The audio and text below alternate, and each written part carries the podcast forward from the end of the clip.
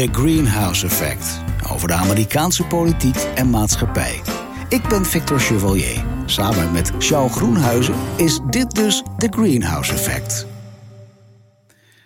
Dit is aflevering 51. Volgende maand al meer dan 500.000 coronadoden in de Verenigde Staten. En Biden zegt dat tenminste. Maar Dr. Fauci lijkt een eerder hersteld te worden en voelt zich bevrijd nu hij met Biden werkt. Republikeinen in de Senaat willen uitstel van het proces van het impeachment. Neemt de steun vanaf de Republikeinen daarvoor af. En Joe Biden heeft als eerste gebeld met zijn Franse ambtgenoot Emmanuel Macron. En uh, misschien gaan we het toch nog even over hebben. Over, um, hoe heet die man nou ook alweer? Oh ja, Donald Trump. Hier is de man die duiding kan geven aan alles wat er aan de overkant gebeurt. Mr. Greenhouse. Charles Groenhuizen vertelt zijn visie.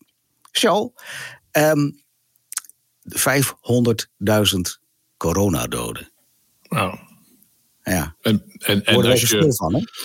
En als je naar de cijfers kijkt, uh, ik, ik hou altijd twee kerncijfers in de gaten. Uh, en mijn bron daarbij is Our World in Data. Voor wie dat ook wil opzoeken, dan kun je heel mooi. Ik heb dat vaak gezegd, precies landen invullen. En je kunt invullen of je het aantal besmettingen, of het aantal doden, het aantal vaccinaties. Kun je landen toevoegen, weghalen. Je kunt het per dag, per week, uh, cumulatief. Nou, alles kun je invullen. En er zijn twee cijfers die ik meestal in de gaten hou. Ja. Uh, hoe, hoe, is het in de afgelopen week over zeven dagen uitgesmeerd het aantal besmettingen, cases, uh, in Amerikaanse terminologie of van de website, of uiteraard het aantal overledenen. Uh, en je ziet nu, het geldt trouwens ook voor het Verenigd Koninkrijk, VK en VS lopen echt ver voorop als het gaat om het aantal besmettingen. Maar in beide landen is het nu scherp aan het, echt scherp aan het dalen.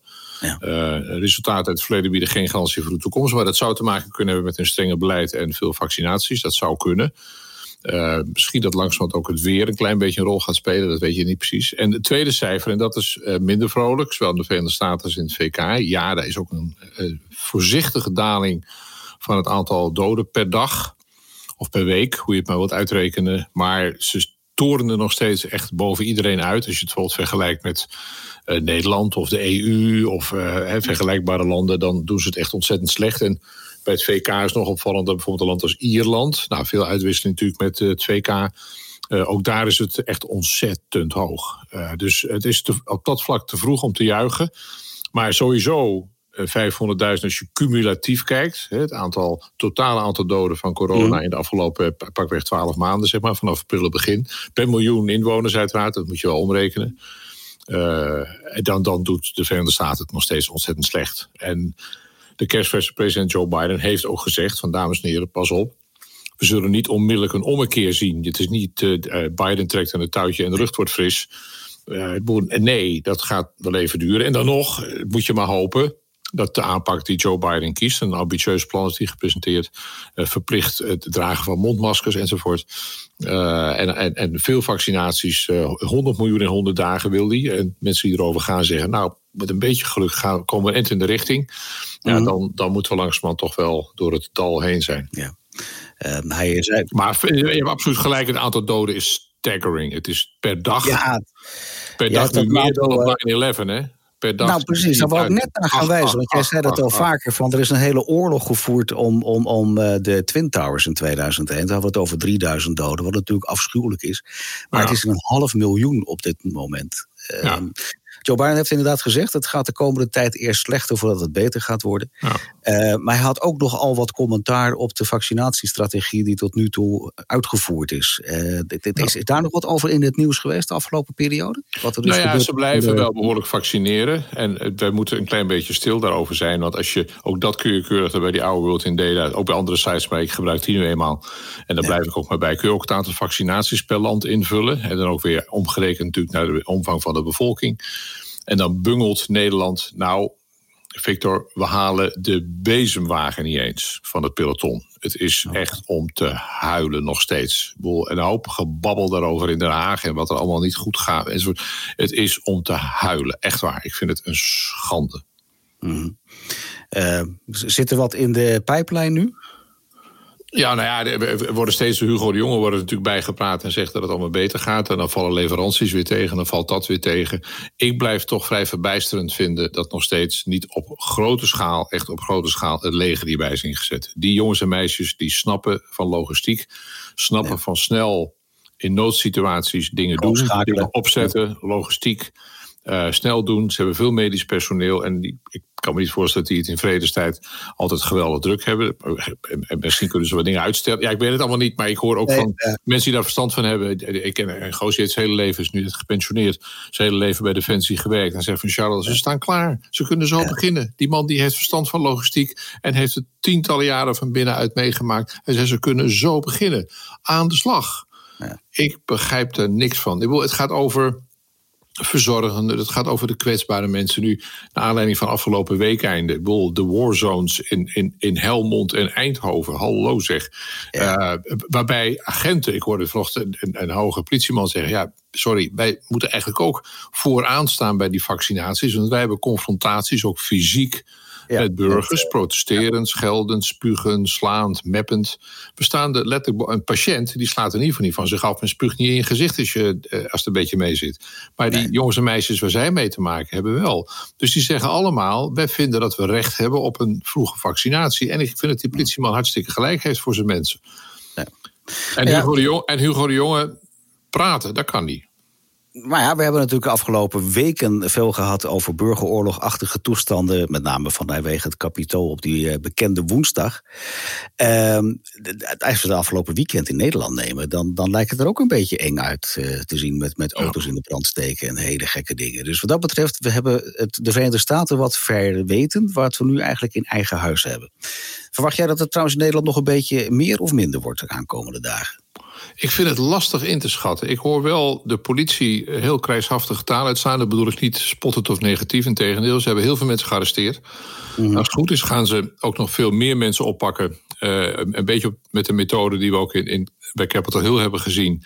Niet alleen de beelden van de rellen, maar vooral ook de beelden van de uren daarvoor.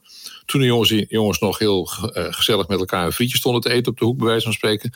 Mhm. Uh, of een biertje te drinken, of weet ik wat ze allemaal aan het doen waren. En op het moment dat je dan zegt van, hé, hey, die gozer daar ja, ik wil niet zeggen eh, eh, met die, met die zwarte broek en het leren jek, want dat hebben ze waarschijnlijk allemaal zo'n beetje. Uh, maar als je we hebben van al dit soort bijeenkomsten, er is in het verleden veel op gescholden, al die camera's op straat. Maar zolang de rotzakken echt een hekel aan die camera's hebben, ben ik ervoor. En jij waarschijnlijk ook als oppassende burger, Victor. Uh, zullen ze nog wel meer mensen gaan oppakken?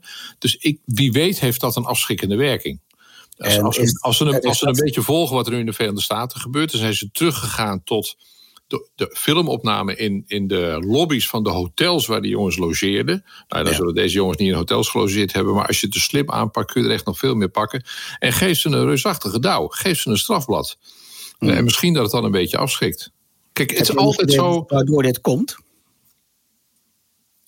Ja, nee, eigenlijk niet. Uh, behalve dat dat dit natuurlijk uitingen zijn die, die om de zoveel tijd uh, ontstaan.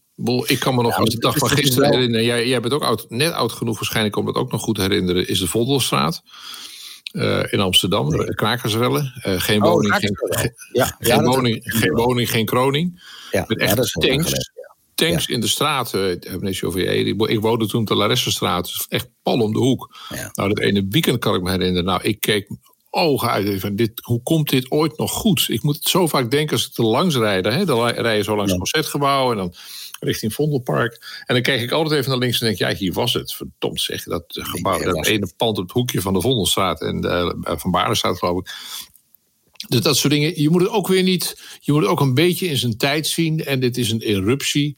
En waarschijnlijk zeggen over een paar weken net zo goed als we ook in deze podcast veel gesproken hebben over het geweld van afgelopen zomer in de Verenigde Staten. Hè, denk aan Minneapolis enzovoort. Mm. Dat ging maar door. Voor een deel ook aangejaagd door radicalen, zowel links als rechts, laten we eerlijk zijn.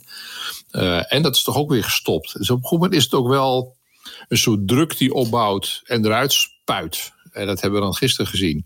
Maar is dat dan links of rechts wat we, waar we hiermee te, maken hebben, naar jouw idee? Ja, nou ja, ze noemen zich waarschijnlijk links, maar ik, ik, ik, vind, ik vind dit vooral totaal krankzinnig. Uh, dat, je, dat, je, dat je gewoon een winkels, een station, uh, een ziekenhuis gaat belagen. Hoeveel gekker moet het worden? Maar ze jagen elkaar op. Ja. Uh, en, en ja, volgens mij heb ik ervan gezien, heeft de politie daadkrachtig opgetreden. Maar die politieman vanochtend op de radio hoorde ik ook zeggen: zei, luister, als het op zoveel plekken tegelijk is. Want hij maakt ook een vergelijking met de krakersrellen. Mm Hij zei: luister, dat was toen in één stad. Niet op één plek, maar wel in ieder geval in één stad. Want je hebt de grote keizer en de Vondel staat allemaal achter elkaar. Ik, ik heb ook een stenen tegen mijn hoofd gehad als verslaggever van de Volkskrant toen. Ja. Dus piepjong op slag. Ik loop al een tijdje mee, meneer Chevalier. Ja, maar, uh, maar op een goed moment gaat de energie daaruit. En zakt het ook wel weer weg. Maar het is natuurlijk wel iets structureels. En, en eerlijk is eerlijk. Er is wel een interessante, maar toch ook wel akelige parallel. We hebben in Washington gezien hoe uh, Donald Trump en ook iemand als Giuliani en anderen mm. toch min of meer hebben opgehitst. Uh, daar kun je verschillend over denken, maar de meeste beschouwen het wel als ophitsen aanzetten tot geweld. En het binnendringen van Capitol Hill. Ik heb het vanochtend ook op Twitter uh, geschreven. Jongens, moeten we ons niet gaan afvragen of er toch niet een parallel is? Want er zijn hier politieke partijen en er zijn groeperingen die dingen zeggen over ook het kabinetsbeleid. Eh, dat we worden opgesloten, dat het een soort totalitaire staat is, dat ze net doen alsof het virus gevaarlijk is enzovoort. Ja, dat is toch ook op zijn minst, ik weet niet hoe jij daarover denkt, in de richting van ophitsen, in de richting van, ja, kies maar. Nou, maar anderzijds, die ja, je eigen oplossing. Echt, die mensen menen dat ook echt. Die menen ook echt dat er eigenlijk niet zo'n groot probleem is als dat, er, als dat de overheid doet voorkomen. En daar gaat hij dus eigenlijk alweer de mist in. En dan komen we gelijk bij onze podcast van uh, nou een stuk of tien terug dat, dat, dat gaat over een stuk fake nieuws. Mensen die, die geloven wat ze willen geloven. En er zijn oprecht een aantal mensen die zeggen: joh, dat valt allemaal wel mee. We zijn de economie naar de kloten aan het helpen. En dat allemaal omdat er wat dingen misgaan. Nou, dat valt wel mee hoor. Ik deel die mening niet, maar dat is wel de gedachte die erachter Jawel, zit. dat, dat, dat, dat weet ik. En dan hebben we de parallel toch weer met wat we in Washington gezien hebben. Daar stond een president en zijn advocaat en anderen die zeiden: onze democratie wordt naar de kloten geholpen, want de verkiezingen mhm. zijn gestolen en er wordt niks tegen gedaan. Dus die parallel is er wel. Inderdaad, inderdaad hoewel veel mensen ook vinden dat in Nederland de democratie naar, God, naar de Gossiemijnen wordt geholpen. Nou, dat kan. Ja. Dat, dat, kun je vinden. Maar er ontstaat, een, er is een moment uh, en, waarbij je zegt: dit is niet meer alleen maar kritiek hebben op en duidelijk maken: ik ben het hiermee oneens. En het kiezen van bewoordingen waarvan je op een bepaald moment moet denken: ja, maar dit gaat in de richting, dat heb ik het ook opgeschreven op Twitter, in de richting van aanzetten tot. En ik heb er maar een vraagteken achter gezet om het aantal boze tweets iets te beperken. Maar ik meen het, ik meen het wel. We moeten er echt over nadenken. Nou ja, kijk, je kunt, het niet, je kunt het niet en je moet het ook niet verbieden. Geen misverstand. Maar ik, vind, ik heb ook in die tweet, en daarom heb ik hem ook zo geformuleerd en gezegd: van zouden degene die deze scherpe kritiek de afgelopen tijd de angstknop wordt ingedrukt. Ja. Uh, onze vrijheid wordt ingepakt. We zitten gevangen. Het is een totalitaire staat. Het is een politiestaat. Ik vind, of ik vroeg mij af, de mensen die die kritiek de afgelopen weken hebben geuit, of die nu dit geweld ziende in de spiegel kijken en tegen zichzelf zeggen van, hmm, misschien moet ik de komende dagen en weken een klein beetje oppassen. Het was opvallend dat bijvoorbeeld uh, Forum voor Democratie, en ik begreep de PVV ook, uitdrukkelijke tweets hebben uitgedaan. Ja, nee, we, zijn tegen, we zijn tegen geweld, we zijn tegen geweld. Ja, nee, tuurlijk zijn ze tegen geweld. Maar, maar daarmee ontsla je jezelf niet van op zijn minst, vind ik, die, die kleine gang naar de spiegel in jezelf aankijken en denken van. Ah, die politieke mening heb ik, die beoordeling van het kabinetsbeleid heb ik, maar misschien moet ik het ietsje voorzichtiger en iets minder mogelijk opruiend formuleren. Hoor je mij? Ja, ik hoor het je zeggen. Ik zit alleen even hardop na te denken nu als het mag. Wat, wat mij opvalt als ik daar naar die beelden kijk... en ik ben maar gewoon een blonde uh, wereldburger, zeg maar... is dat ik wel de indruk heb dat er een, een, een eh, onderlaag in zit... die wel politiek gemotiveerd is. Die, die oprecht vindt dat uh, de regering verkeerde keuzes maakt. Nou, dat kan. Maar wat je dan krijgt, is dat daar zo'n 70, 80 procent letterlijke ruilschoppers, en dat zijn mensen die niet veel te verliezen hebben, die, die slecht geïnformeerd zijn, die gewoon echt uit zijn op rellen. En dan krijg je de geest uit de fles en die gaan letterlijk los. Die gaan eh, eindelijk zien dat ze even op straat mogen. Die het ook helemaal niets vinden dat ze om negen uur thuis moeten, moeten blijven. Eh, ook niet weten waar ze om negen uur heen moeten. Vaak, vaak zie je mensen daarin helemaal losgaan van, van dat ze niet meer weten waar ze eigenlijk thuis zijn. En als je dan op straat de man bent, om het zo te mogen uitdrukken, ja. ja dan heeft het inhoudelijk heeft het geen enkele functie meer, maar het gaat wel los. Nou ja, het, nou, de, groep, de groepsdwang of de groepsdiscipline dan. Dat iedereen zet, zet elkaar aan tot gekkigheid. Dat zie je ook bij die beelden, dat ze elkaar ophitsen en elkaar gek maken. Precies. En, en ja, en dan, het, het, ik, ik had bijna de term weer uh, op rellend beluste jongeren.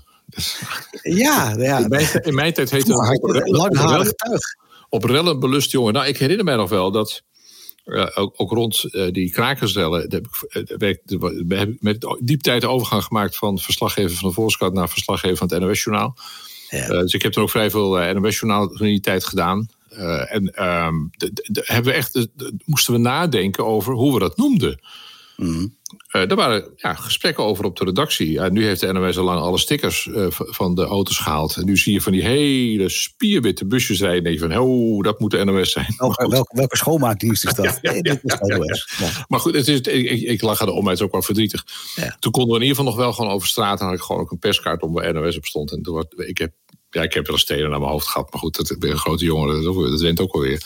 Ja. Um, maar wij hebben toen al dachten we na van hoe we dat moesten noemen. Zonder ja, heel erg partij. Want het op rellen beluste jongeren was volgens mij een vrij voorzichtige term. Relschoppers, dan, ja, dan zit jij. Nou, dan zit je net over de, nou ja, over de grens. Iedereen die dit hoort mag ons tips sturen van hoe je dit soort jongelui noemt. Zonder dat je heel erg gaat opiniëren. nou, maar ik heb er wel een opinie over. Ik ben, erg, ik ben erg benieuwd wat we dan uiteindelijk in onze postbus binnenkrijgen. Ja, nee, ja, ja, precies. Ja, ik ben benieuwd. Of binnen, we krijgen binnen. Um, origineel, wat, wat verloot we onder de origineelste inzetting, meneer Chevalier?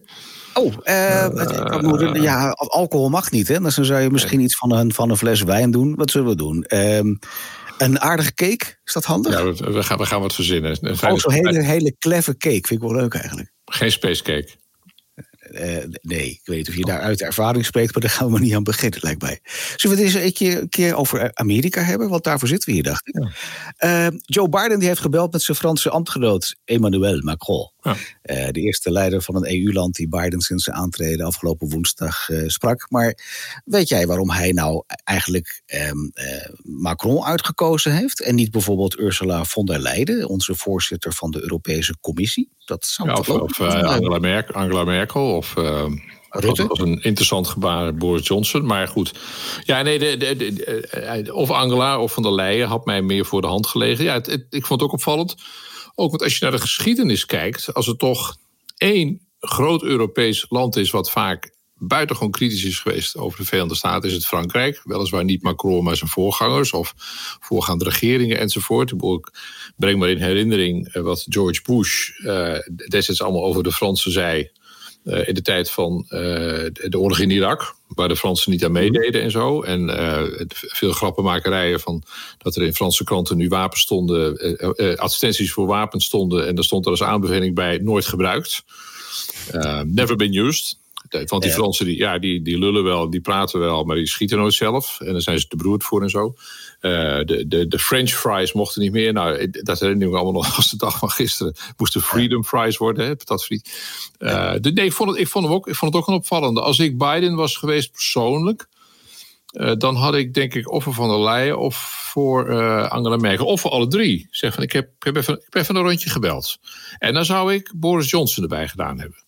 Maar je zou niet kunnen verzinnen waarom hij deze keuze gemaakt heeft. Ik, nee, ik, vond, dat, dat, zie ik in de Amerikaanse media terug. Van, uh, hoezo Macron? Wat, wat is er aan de hand? Uh, kijk, politiek hebben ze nu meer te verhapstukken natuurlijk met het gedoe met, uh, met Boris Johnson en, en, en de mm. brexit enzovoort. Maar die natuurlijk heel graag ook bilaterale verdragen wil sluiten met, met de Amerikanen. Ja. nou ja, nee, ik vond, ik vond het opvallend. ik, ik, en ik begrijp het niet zo goed, eerlijk gezegd. Ik had het, ik had het niet zo geadviseerd, maar... Ja, oké. Okay. Um, het is wel overigens zo dat hij openlijk nu belt met een Europese leider. Ja. Uh, dat is al wel een signaal van, uh, ja, ik trek me iets aan van Europa. En ik ben geïnteresseerd wat de politieke leiders daar vinden. En dat hebben we nu de afgelopen vier jaar toch niet echt meegemaakt. Dus dat is al wel een klein signaaltje van het nieuwe tijdperk. Ja, je, je kunt je ook gelijk gaan afvragen hè, wat, wat, wat vier jaar Trump eh, aangericht heeft in de internationale betrekkingen die er waren en zijn. Je kunt je ook afvragen of uh, America First uh, niet heel veel sporen gaat natrekken nog de komende jaren. Heb je daar iets over te melden? Ja, ik, ik denk uiteindelijk, kijk, zo, zo goed als Trump in hoog tempo, zeg maar, pak 2017, 2018, dat beleid naar, naar zich toegetrokken heeft. Uh, en, en dat isolationisme is gaan prediken en ook gaan uitvoeren binnen de kortste keren uit het Parijsakkoord, het handelsakkoord enzovoort. Nou, dat weten we. Uh, dat heeft hij toen heel snel gedaan. Ja. Uh, en zo kan Biden, terwijl laten we eerlijk zijn, het beleid wat we van Trump gezien hebben was sterk afwijkend van wat we en Obama en Bush en Clinton eigenlijk in een onder een reeks van presidenten hebben gezien. Ja, Vriendschappelijke banden met Europa, ja, kritisch over defensie en over handelsbescherming enzovoort. Maar uiteindelijk toch zijn, zijn we letterlijk eeuwenoude bondgenoten. Als je ziet hoe snel Trump dat naar zich toegetrokken heeft en drastisch heeft omgevormd, dat kan dus. Dus je kunt ook zeggen, het zal Biden niet zo heel veel tijd kosten om de kar weer in het oude spoor te krijgen. Uh, Trump heeft nu vier jaar buiten de gebaande paden geopereerd. En dat is over het algemeen lastiger dan binnen de gebaande paden. Dus ik vermoed eigenlijk, ook omdat de politieke wil in Europa om met Trump mee te gaan was natuurlijk 0,0 de politieke wil en ook de economische bereidheid om met Biden mee te gaan. Misschien geen 100%, want er blijven wel issues natuurlijk. Denk ook aan defensieuitgaven en handelsbeperkingen enzovoort. Mhm. Maar de bereidheid om nu te zeggen van welkom Uncle Joe, eh, wat fijn dat je er bent en wat fijn dat die lawaai-papegaai vertrokken is. Die politieke wil is enorm aan beide kanten. Dus nou, jarenlang. Ik denk dat je over twee jaar, als we hier elkaar spreken in aflevering 125 van de Praatkast, dat we tegen elkaar zeggen van weet je nog, dat is eigenlijk toch best snel gegaan. En eigenlijk het kan toch nog goed. Ja, het is ook wel veel over Trump gezegd. Als het een one-term president wordt, en dat is het dus geworden, dan kunnen we nog wel vrij snel terug naar het oude normaal. Dan kunnen we het nieuwe normaal inleveren voor het oude normaal, in zekere zin. Nou, dat is gebeurd. En als je nu de eerste stappen van Joe Biden ziet, ja, die is toch vrij gematigd progressief bezig. Met een aantal principiële dingen. Ik vond bijvoorbeeld zo'n kleinigheid, een executive order, dat hij zegt dat uh, het verbod voor, uh, voor transgenders om in het leger te dienen is ingetrokken. Die mogen gewoon ook